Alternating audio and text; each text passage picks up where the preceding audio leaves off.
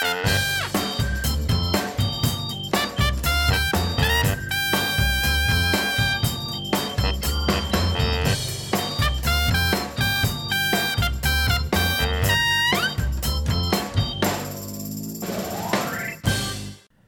herfst is aangebroken. En waar het ook herfst is, is bij de EO. En in deze CIP-podcast gaan we erover praten met onze redacteur Geerten. Geerten, welkom. Dank voor deze feestelijke opening. Al is de herfst aangebroken, is dat wel weer jammer dan, hè? Ja, ja. Kijk, sommige mensen zitten in de herfst van hun leven. Maar je hebt ook wel eens herfstige periodes. Die ken jij nog niet.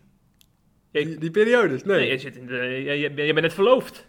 Hé, maar even serieus. Jij, jij bent ehm, een hele tijd niet meer in de podcast geweest. En Nee. volgens mij vroegen een aantal luisteraars zich inmiddels wel weer af eh, of je ontslagen was of zo. Want ja, Yes, nee, maar dat kan je een herfstige periode noemen, ja. ja, Ja, Ja. Nee, ehm, nee, er is iets... eh, kijk, meestal is Patrick op de hoogte van, eh, van de actualiteiten.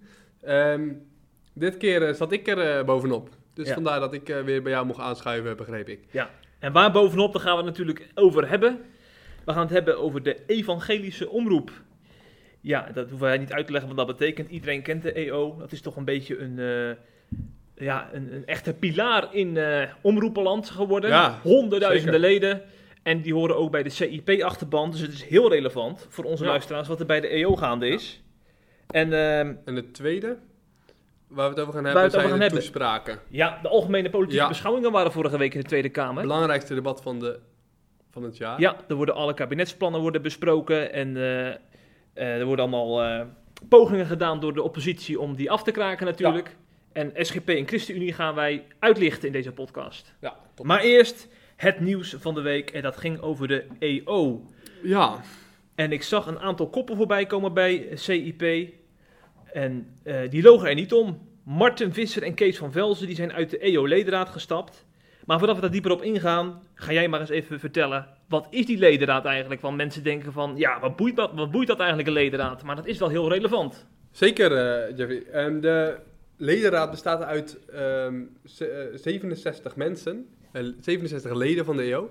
Totaal heeft de EO, zoals je al zei, 300.000 leden. Dat zijn er een hoop. Ehm, maar 67 leden die vertegenwoordigen eigenlijk die achterban. En zij vergaderen drie keer per jaar.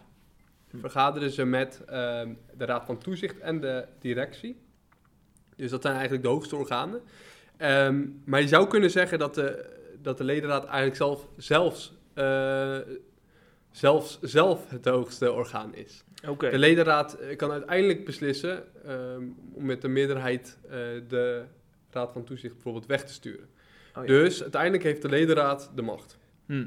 Nou, dat is ook de reden waarom het le- relevant is, waarom wij nieuws brengen.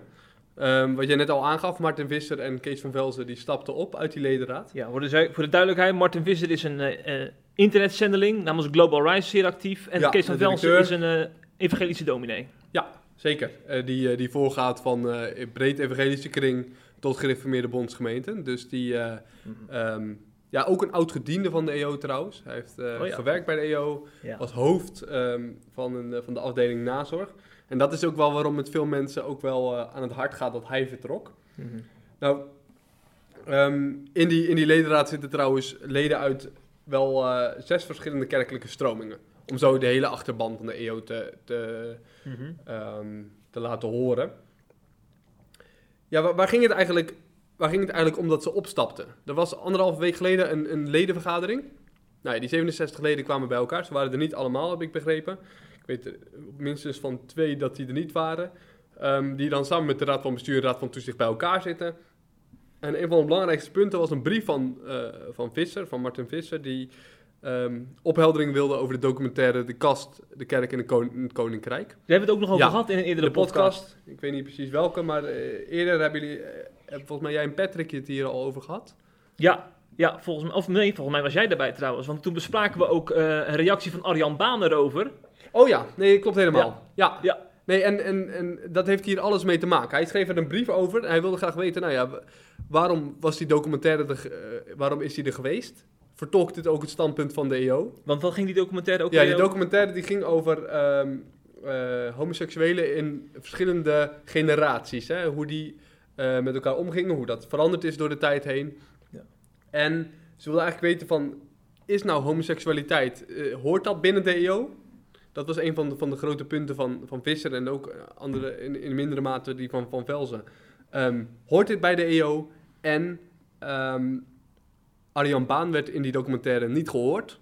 Ja, dat is dus iemand die eh, heel kritisch staat tegenover eh homorelaties. Ja, nee, en die werd niet, die werd niet gehoord in de documentaire. Of Ja. tenminste niet, eh, die werd niet gevraagd om een reactie, terwijl hij wel met het verhaal eh, te maken had. Mhm. Ehm, hij, werd, hij werd ook genoemd en er was hem niet om wederhoor gevraagd. En hoe dat nou kon in zo'n documentaire. Of, of, of de Raad van Toezicht daar nou geen fout mee had gemaakt. Of dat het volgens hen wel kon. Nou, dat was eigenlijk een beetje de strekking van zijn brief. Hij wilde daar graag antwoord op. Ja. Wat is nou de lijn van de eeuw? En dat is denk ik eigenlijk de grote, het grote punt. Er waren trouwens tijdens de ledenraad ook twintig nieuwe leden aanwezig. Dat is wel belangrijk. Er waren van, dus echt een substantieel gedeelte. Was nog nooit bij een ledenraad geweest. Hm. Dus het was voor hen ook belangrijk. Hoe gaan die leden nu stemmen? Hè? Hoe gaan ze nu... Hoe reageren zij op, op dingen? Dat was voor Visser en Van Velzen echt belangrijk. Ja, ja. Ehm, nou ja, uiteindelijk ehm tweette Martin Visser na afloop van die ledenraad... Ik vertrek helaas. Ehm, hij zei, ik voel me niet meer thuis bij de EO. En, en het standpunt dat de EO heeft, dat, daar kan ik me niet meer in vinden. En dat En standpunt ging, is... Ja, dat ging met, bij hem met name over, eh, over die documentaire.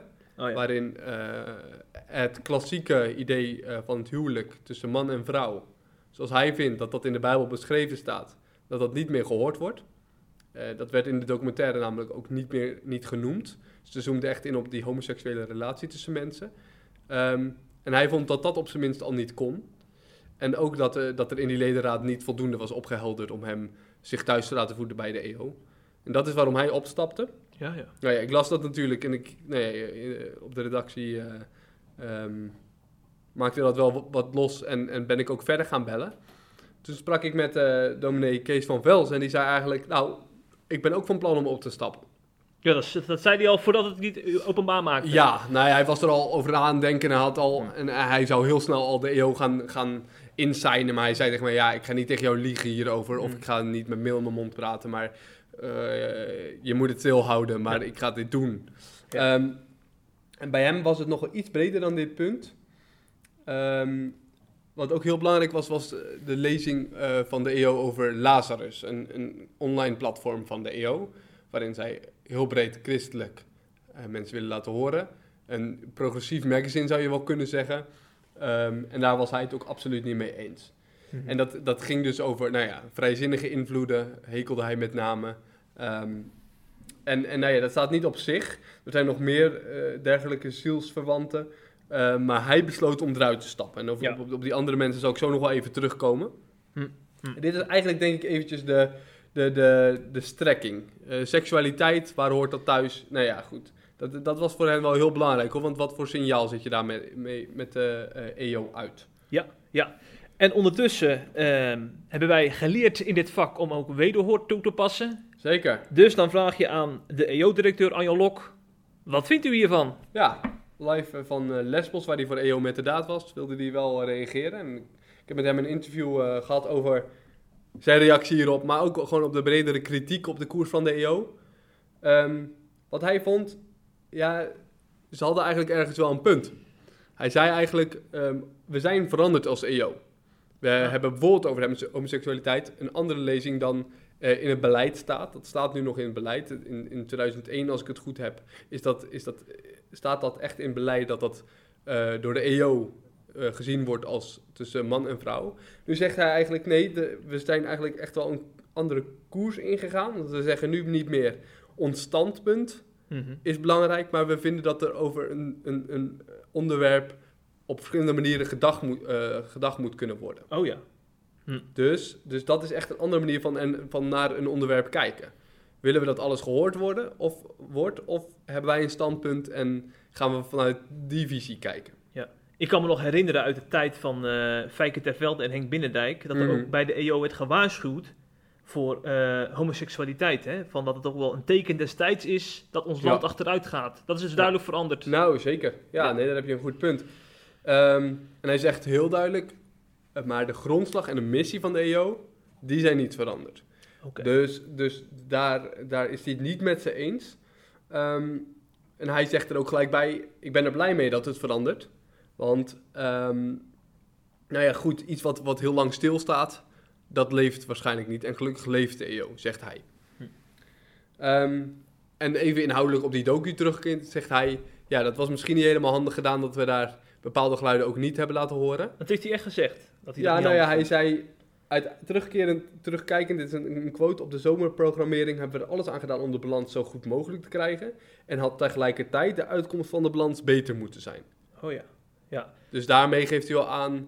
ehm, we wilden, en hij zegt ook... we wilden eigenlijk ook wel een ander soort docu nog maken... maar die is er bij de NPO niet doorheen gekomen. bij, de, ja. bij de overkoepelende zender. Ja, want ik zei nog moet tegen jou, waarom hebben ze nou niet een docu gemaakt met Ja. die ondertekenaars van de Nashville-verklaring, weet je wel? En, en, en met homo's die in een eh, celibatair blijven en niet in een relatie stappen, omdat ze uit geloofsovertuiging dat eh, ja, niet goed vinden, zeg maar. Ja, helemaal mee eens. En dat, dat vonden ze dus eigenlijk zelf ook wel. Hij heeft ook gezegd, eh, eh, volgens mij bij het ND, als ik het goed heb, bij het Nederlands Dagblad... ehm, ehm, we zouden graag bijvoorbeeld een Herman van Wijngaarden ook een platform geven. Ja. want we hebben ook veel respect voor wat hij, hoe hij het doet. En dat is ook een, ook een visie. Hij kiest bewust niet voor een relatie, hè, die helemaal van Nee, Wijngaarden inderdaad. nee. Ja. Heel goed, ja, die onthoudt zich. Ja. Ja. Dus, dus dat is het celibataire geluid, noemt, eh, ehm, noemt Arjan dat. Dus, dus dat, zijn eigenlijk, dat is eigenlijk zijn inhoudelijke reactie. Ehm, hij vindt het natuurlijk jammer dat ze vertrokken zijn. En hij zegt ook, eh, ja, we vinden dit geluid ook belangrijk binnen de EO. Alleen, dat is eigenlijk een beetje het centrale thema wat steeds weer terugkeert. Ik kwam er bijna in elke vraag wel weer op terug. Ik denk dat hij dat in het interview wilde hebben. Is dat ehm, als je vindt dat jouw opvatting de enige waarde is, dan hoor je eigenlijk niet bij de EO thuis. Ja. Want goed, dat, is- dat, dat is niet ehm, inclusief denken zoals hij dat noemt. Hm, Alles moet gehoord kunnen worden, ook jouw geluid, maar dat is niet het enige. juist. Ja. Het bracht, bracht nogal wat reacties teweeg, hè? Ja, jij, hebt- jij hebt nog, ik heb een stortvloed aan reacties onder artikelen gezien. En, Ja. eh, jij had er een paar op een rijtje gezet. Ja, ja, want ehm, ja, ik ben toch altijd wel benieuwd eh, in hoeverre nou eh, de CIP-achterban zich herkent in die kritiek die Van Velzen en Visser dan uiten. En eh, ik heb heel wat reacties gezien van mensen die zeiden van, ja, ik heb onlangs ook mijn lidmaatschap, Mhm. lidmaatschap bij de EO opgezet, opgezegd. En het waren onder andere Evelien Lam, Hanny Weidsma, Ellen Kuiper, Eefje de Korte. Die zeiden dus allemaal van, ja, ik heb opgezegd. Ja. En zo kunnen we nog een hele rij opnoemen. ja. En eh, eentje wil ik er nog even uitlichten. Dat is een reactie van Kees Hoek. Dat is een predikant binnen de Griffmiddenbond. Hij heeft zelf ook in de ledenraad gezeten trouwens. Ook in de ledenraad gezeten. Dat maakt natuurlijk nog interessanter, zijn reactie. Ja. En ehm, hij herkent zich dus helemaal in de analyse van Martin Visser. Dus dat de EO nu echt een ander geluid laat horen. En wat hem betreft is de EO ook afgegleden tot een veelkleurige en inclusieve omroep. En is niet meer de evangelische slash reformatorische of bijbelgetrouwe omroep dan voorheen. Nou, voor het eerste gedeelte zou, eh zou Lok zich goed kunnen vinden. Die veelkleurige en inclusieve omroep. Ja, ja want hij zegt juist Dat- dat, dat, de Dus EO dat moet eigenlijk zijn. begrijpen ze elkaar ook heel goed. Dat is Ja. natuurlijk het interessante aan dit verhaal. Hè? Ja, ja, ja, zeker. En waar die Kees Hoek nou bang voor is, is dat de pure evangelieverkondiging van Jezus als enige en noodzakelijke redder van zonde en dood en als Heer over alle terreinen van het leven wordt ingewisseld voor een breder discours over religie, geloof en zingeving. Dus met andere Mm. woorden, toch wel een, een, een stapje naar de vrijzinnigheid, waardoor Ja. de radicaliteit van het evangelie verdwijnt uit die omroep. Daar is hij Ja. eigenlijk bang voor. Ja, daar waren ook veel mensen het ook mee eens. Hè? Dus je hebt eigenlijk, eh, er ontstaan echt wel kampen. Eh, ook, ook mensen die eigenlijk wel weer zeiden: nee, ik ben, ik ben voor de EO. Ja, ja, dat viel me dan toch ook wel weer op. Eh, volgens mij zag ik dat met name onder het interview met Arjan Lok, hè, die, die jij vrijdag plaatste. Ja. Een aantal mensen die zich toch wel ja, herkenden in de antwoorden van Lok. Bijvoorbeeld Alfred Lammers, die is zeer dankbaar voor een omroep zoals de EO. Ga zo door, zegt hij tegen Arjan Lok. Veel zegen en wijsheid toegewenst. En Tine de Bruin vindt ook dat Lok het prima heeft verwoord in jouw interview. Kan mij Mm. helemaal invinden, blij met de EO op mijn tv. Ja. En zo zijn er meer van dat soort eh, geluiden. Die dus eigenlijk toch wel juist op zoek zijn naar een omroep. Die eh, ja, toch wat een bredere kijk op, eh, op de maatschappij heeft. Terwijl die toch eigenlijk wel de inspiratie vanuit het evangelie blijft halen. Ja. Dat Ja. willen die mensen. En Marco van der Straten, die kennen we. Marco van der Straten is hoofdredacteur van de EO-visie. Zeker. Ook dus, hij reageerde dus bij, eh, dat is een medewerker die, eh, die zo'n discussie natuurlijk eh, op een bepaalde manier ook wel lastig vindt. Want Ja. het, ga- het gaat over de identiteit van zijn bedrijf. Zeker. En het, het kwam dan ook best wel rauw op zijn dak toen hij dat interview met Martin Ja. Visser la- las van jou. Want hij zei, ik voel me als EO-medewerker en christen in de kou gezet, als ik lees wat Martin Visser allemaal over de EO zegt. Bij veel mensen ontstaat daardoor namelijk het beeld dat bij de EO geen ruimte meer is voor het volgen van Jezus, alsof we lauwe en vage christenen zijn. En daar Hmm. herkent hij zich totaal niet in. In dat hokje wil hij zich niet laten duwen. Eh, Nee. Laten we eerlijk zijn, zegt hij, er zijn weinig christenen te vinden die op onderdelen van hun geloof in de loop van het leven geen nieuwe inzichten krijgen. Ja, zo, zo kijkt hij er dus tegenaan. Ja, ja dat zijn eigenlijk, eigenlijk een beetje de verschillende visies. ehm, Ja.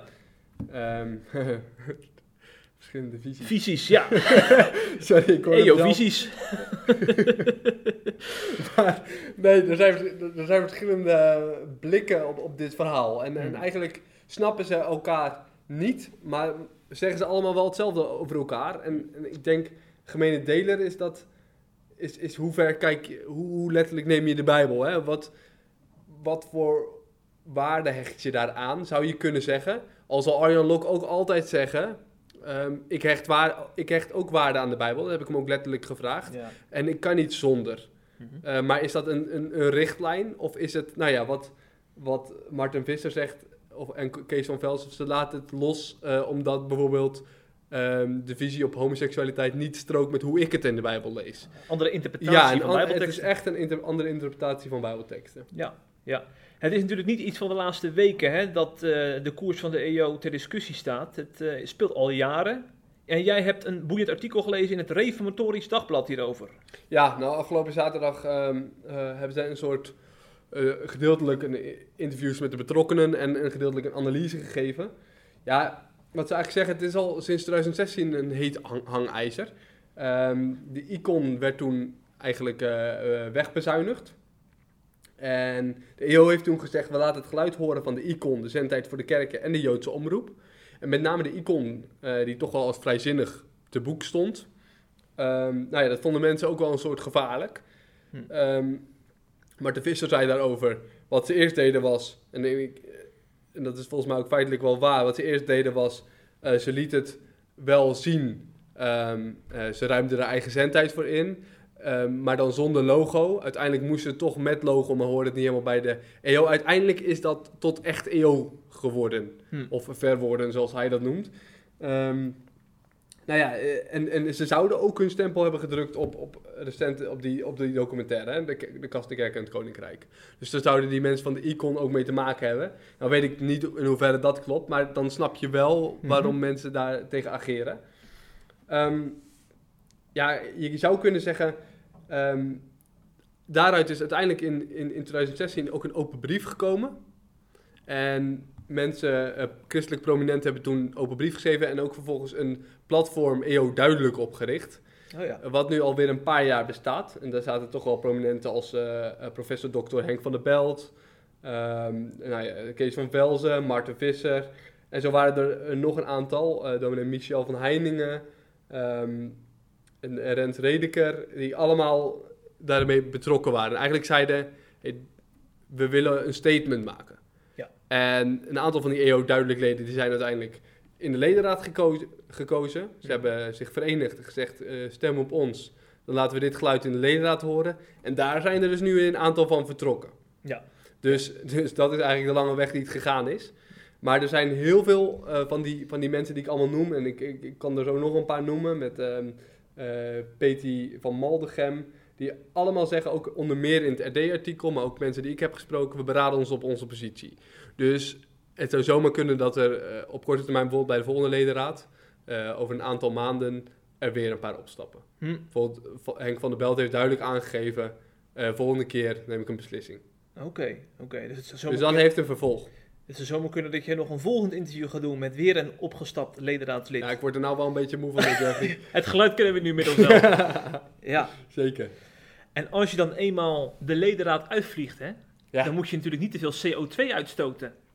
Nee, want er is een stikstofbesluit genomen. Jazeker, en wie zich daar zorgen over maakt, dat is Gertjan Segers van de ChristenUnie. En hij liet dat geluid duidelijk horen vorige week bij de algemene politieke beschouwing in de Tweede Kamer.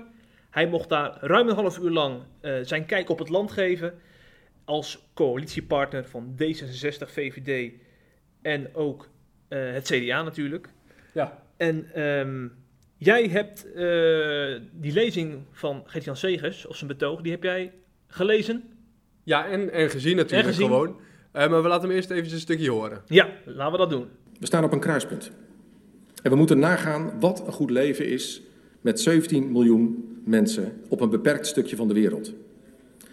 En dat is een leven met minder schulden, met meer rust, meer aandacht voor elkaar, betere zorg voor de schepping, met een dienstbare, mensgerichte overheid. Het is een leven in veiligheid en in vrijheid. Dat is dus het geluid van Gertjan Segers, uh, Geerten. Ja, nee, hij, wat, ik wel, wat ik mooi vond, hij, hij, hij geeft een heleboel dingen aan. Hij geeft uh, de natuur, vindt hij natuurlijk belangrijk. Het is echt het, traditionele CU-geluid. De natuur, zorg voor mensen. Um, um, en, en, en, en daar ging hij eigenlijk op in. Hij pakte een vergezicht. Hij, hij, hij maakte er eigenlijk uh, onder, het, onder de noemer het goede leven. Maakte hij er zijn betoog van. Hij zei: Wat is nou eigenlijk het goede leven? Wat zie ik voor me als het goede leven? We hebben al een hoop filosofen over nagedacht. Maar ook hij had daar zijn uh, beweringen over. En wat ik eigenlijk wel knap vond, hij zei had het daar over matigheid. Hij had het over, nee, we hebben het net gehoord, over, over uh, zorg voor elkaar. Um, maar ook gewoon de prestatiedruk die nu natuurlijk onze maatschappij enorm uh, toeneemt. En waar hij met coalitie I, met jongeren en een aantal andere organisaties wat tegen probeert te doen. Um, en hij zegt echt, we staan op een kruispunt. We moeten um, kiezen waar we voor gaan. En hij wil natuurlijk de weg naar het goede leven, waar niemand tegen kan zijn. Ja. En dat vertaalt hij in die, in die dingen die, die, net, die ik net allemaal noemde. Um, wat ik mooi vond, was dat um, hij eigenlijk een heel vergezicht neemt. Hè? Dus hij zegt, mijn uh, verhaal bestaat hieruit, namelijk we zorgen goed voor elkaar enzovoorts. Maar hij maakt het ook heel concreet. Oh ja? Dus hij zegt ook, uh, we moeten uh, schuldenproblematiek oplossen. En dat is natuurlijk vaak een heel moeilijke, um, moeilijke verhouding. Je kan wel een heel vergezicht schetsen en daar vervolgens daarin blijven hangen. Um, maar dat vond ik wel knap aan Segers, dat hij duidelijk maakt van, nou ja, we moeten voor een groene aarde gaan. We moeten schuldenproblematiek, we moeten eenzaamheid aanpakken. Uh, dat soort thema's liet hij heel erg duidelijk merken, ook aan de hand van, van goede voorbeelden. Dus dat vond ik echt een, dat vond ik wel een goed punt aan de andere kant is het, blijft het natuurlijk ook wel iets wat, um, blijft het ook wel iets wat vaag.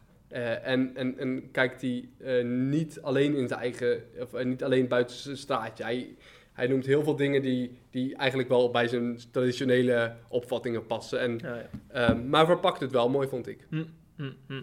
Ja, dus het kwam wel over zijn boodschap, wat jou betreft. Ja. Ja, bij mij wel. Het was iets langer dan die van Van der Staaij, want deze was 35 minuten. Ik moet zeggen, ik vind het lang hoor, voor een uh, speech over vergezichten en uh, het goede leven. Ik, moet, ik hou niet zomaar mijn aandacht erbij.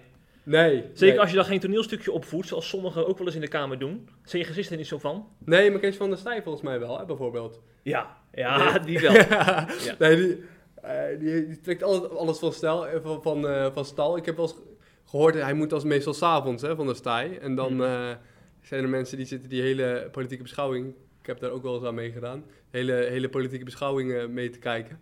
En dan veren ze op als Kees van der Staaij weer aan het Ja, ze gaan echt klaar zitten, hè? Ja, ja, van het ja. Van der Staaij momentje gaat nu komen. Ja. ja, ja, dat is mooi. En als ze dan klaar zitten, Geerten, dan krijgen ze zoiets te horen. En ik besef, velen in ons land, in Europa, zien christelijke noties als iets uit de ver verleden. Zijn blij dat ze het huis van de vader achter zich hebben gelaten. VVD-Kamerlid Herman Lauwers, een nuchtere boer uit Groningen, die jarenlang voor de VVD in de Tweede en de Eerste Kamer zat, vroeg zich zo'n 70 jaar geleden bij de behandeling van de begroting Sociale Zaken af: veronderstelt ons systeem van sociale zekerheid niet een moraal die er vaak helemaal niet meer is? Lauwers zei: Hoeveel hebben geen herinnering aan de geborgenheid van de godsdienstige overtuiging en aan het fundament van een godsdienstig gezin. Lauwers zei, dat zijn geen verloren zonen, maar zonen van de verloren zoon. Het zegt hen niets meer. Ja, dit, uh, dit fragmentje heb ik dan uitgekozen uit zijn speech. En uh, hij verwees dus in uh, deze korte quote naar de christelijke wortels van ons land. En hij verbindt dat dus met het gelijkenis van de, van de verloren zoon. Dat vind ik eigenlijk wel knap dat je zo'n verhaal uit het oude Israël, het oude testament, ja. kunt vertalen naar het leven vandaag de dag. En dat ging nog veel verder, want zijn, zijn ehm, YouTube-fragment ging niet voor niets viral op, eh, op social media. Je hebt er Oh, ook wel van meegekregen. Ja, nee, zeker. Ik heb hem ook wel even... Ik heb hem natuurlijk ook gezien, maar, eh, maar viral is wel... eh, Nou, ik bedoel dan in christelijke termen. hè. Oh, Dus je, je bent wel snel, snel viral in ons landje hoor. Als je het vertaalt naar zeg maar de Bijbelbelt. Maar toch, hij was erg creatief weer geweest. Ja, ja, heeft eh, een schilderij ook eh, van Rembrandt laten zien met de verloren zoon en de liefhebbende vader erop, die hij ook liet overhandigen aan premier Rutte. Ja, Dus dat is ook wel een leuk gebaar natuurlijk, zeker. op die manier. En zo laat de SGP ook weer zien dat het een getuigenispartij is. Hè? Niet alleen maar eh, ja, wollige taalgebruik over een, een, een stoffig bijbelboek, maar ook echt concreet. En laten zien dat het evangelie ook in 2019 ingang vindt in mensenharten. En ook in die van Mark Rutte, zullen we dan hopen. Nou ja, hij, eh, hij zat aandachtig te luisteren, zag ik. Hij zat Ja. aandachtig te Ja, luisteren. maar je ziet ook echt aan die, aan die coalitie die in vak K zit, zie je, zie je ook echt dat ze met plezier naar Van der Staaij luisteren. Want Ja. zelfs zo- zo'n, eh, zo'n, ja, hoe zou ik het noemen, zo'n grachtengordelprinses als Ollongren van D66. Hè, dat is toch wel echt iemand waarvan ik denk van, die is vooral met haar eigen Nou, die- standpuntjes die bezig. eventjes- Die wou echt even naar het schilderij kijken ook. Ja, Die, ja, eh, maar die was ook echt geïnteresseerd in het verhaal van der Staaij. Dus dat vind ik toch wel mooi. ja, zeker. Eh, wa- Wat was, ehm, wat was volgens jou het aansprekende in zijn speech? Nou, ik vond het zo mooi dat hij zeg maar, de, de twee zonen uit, het, uit de gelijkenis van de verloren zoon, dat hij die helemaal uitlichtte en dat ook echt doorvertaalde. Dus bijvoorbeeld die jongste zoon, eh, daar maakte hij een postmoderne Nederlandse jonge man van, hè, die eh, ook goudse kaas eh, waarschijnlijk eh, in huis heeft liggen en op klompen loopt. En die jongste zoon, die heeft dus in het verhaal van Van der Staaij de kerk verlaten en gaat met een flinke dosis spilletjes van feest naar feest. En nu citeer ik hem even, want dit, dit, dit moet je gewoon citeren. Dit had jij niet bedacht. Dit zou ik zelf niet kunnen bedenken. Hij gaat dus met een flinke dosis spilletjes van feest naar feest. Hij noemt zichzelf nogal ruimdenkend. Bordeelbezoek vindt hij niets mis mee. Een Nee. wekelijkse rustdag vindt hij betuttelend. Maar hij voelt zich tegelijkertijd zo opgejaagd. Hij vindt het geweldig dat hij in dit land, dat hij in dit land kan doen en laten wat hij wil. Hoe Niks zou is te gek. Ja, hoe zouden D66 gezien naar hebben Ja, geluisterd? die herkennen zich hier misschien wel in. Ja. ja.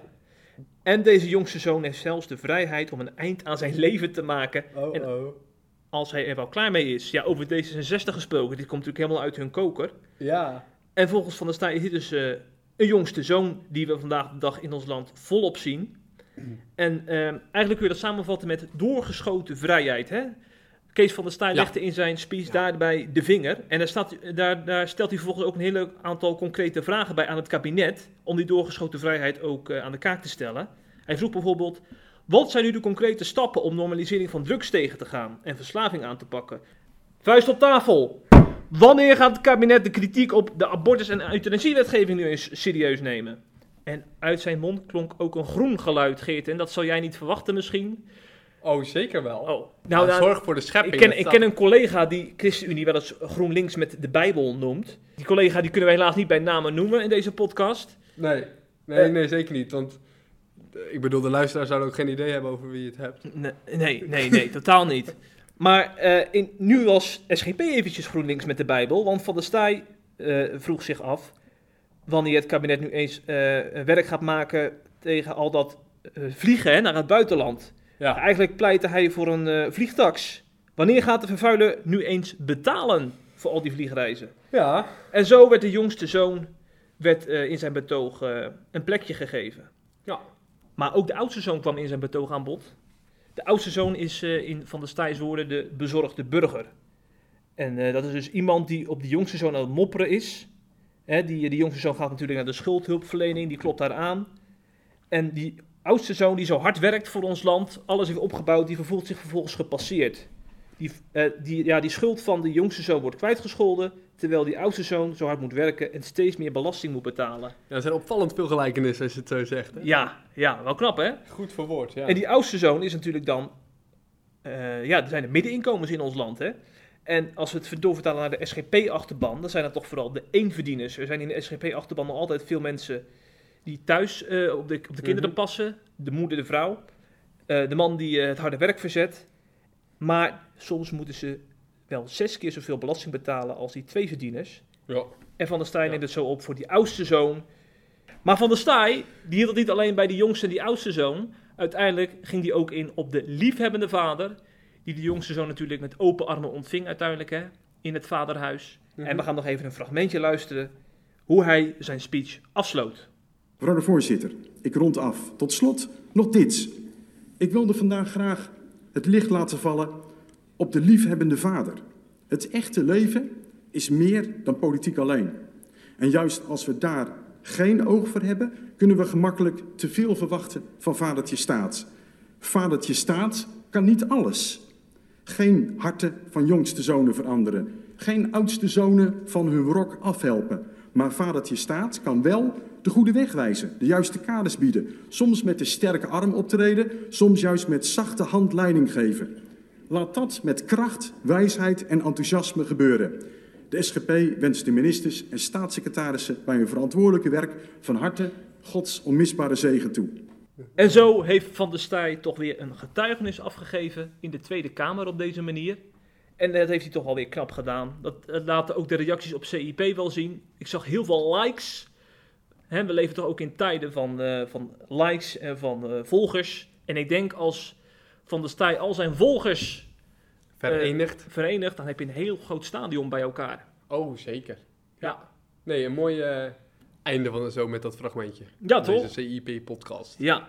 En dan eh, gaan we natuurlijk deze week afwachten wat er weer allemaal voor nieuws gaat komen. Want ja, we leven natuurlijk als journalisten van dag tot dag. Dus het kan zomaar zo zijn dat er morgen in de Bijbelbelt weer ergens een brandje te blussen valt. Letterlijk of figuurlijk.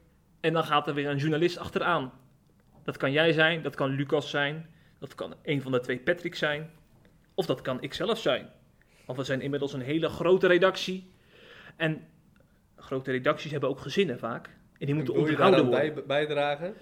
Ik voel me al aankomen, Ja, Jeffrey. ja, onze gezinnen hebben centjes nodig. Ongegeneerd. dit. Want we, de schoorsteen moet dadelijk weer roken, de winter komt eraan. En dan willen wij er toch ook een beetje warmpjes bij zitten in onze huizen. En dan is het toch mooi dat wij als jongste en oudste zonen die in de SIP-redactie eh, verenigd zijn, worden bekostigd door de CIP-lezer. Dus luisteraar, het zou mooi zijn als je een centje naar ons overmaakt. Dat kan door naar cip.nl te gaan. Rechtsboven zie je dan wat is CIP Plus. En dan lees je iets over ons mooie platform. En kun je lid worden voor 5 euro per maand. Jij weet daar dan ook wel wat leuke dingen mee te doen, want jij hebt natuurlijk een verlovingsring voor je aanstaande gekocht. Maar er komt toch ook wel een trouwring aan te pas, gok ik zomaar. En dat is meer dan 5 eurotjes. Daar komt zeker, en er komt niet alleen een trouwring aan te pas, maar op termijn ook een bruiloft. Juist, ja. Nee, dus mocht, je, mocht je willen bijdragen, alles is welkom. Super. Tot Daarbij. de volgende keer.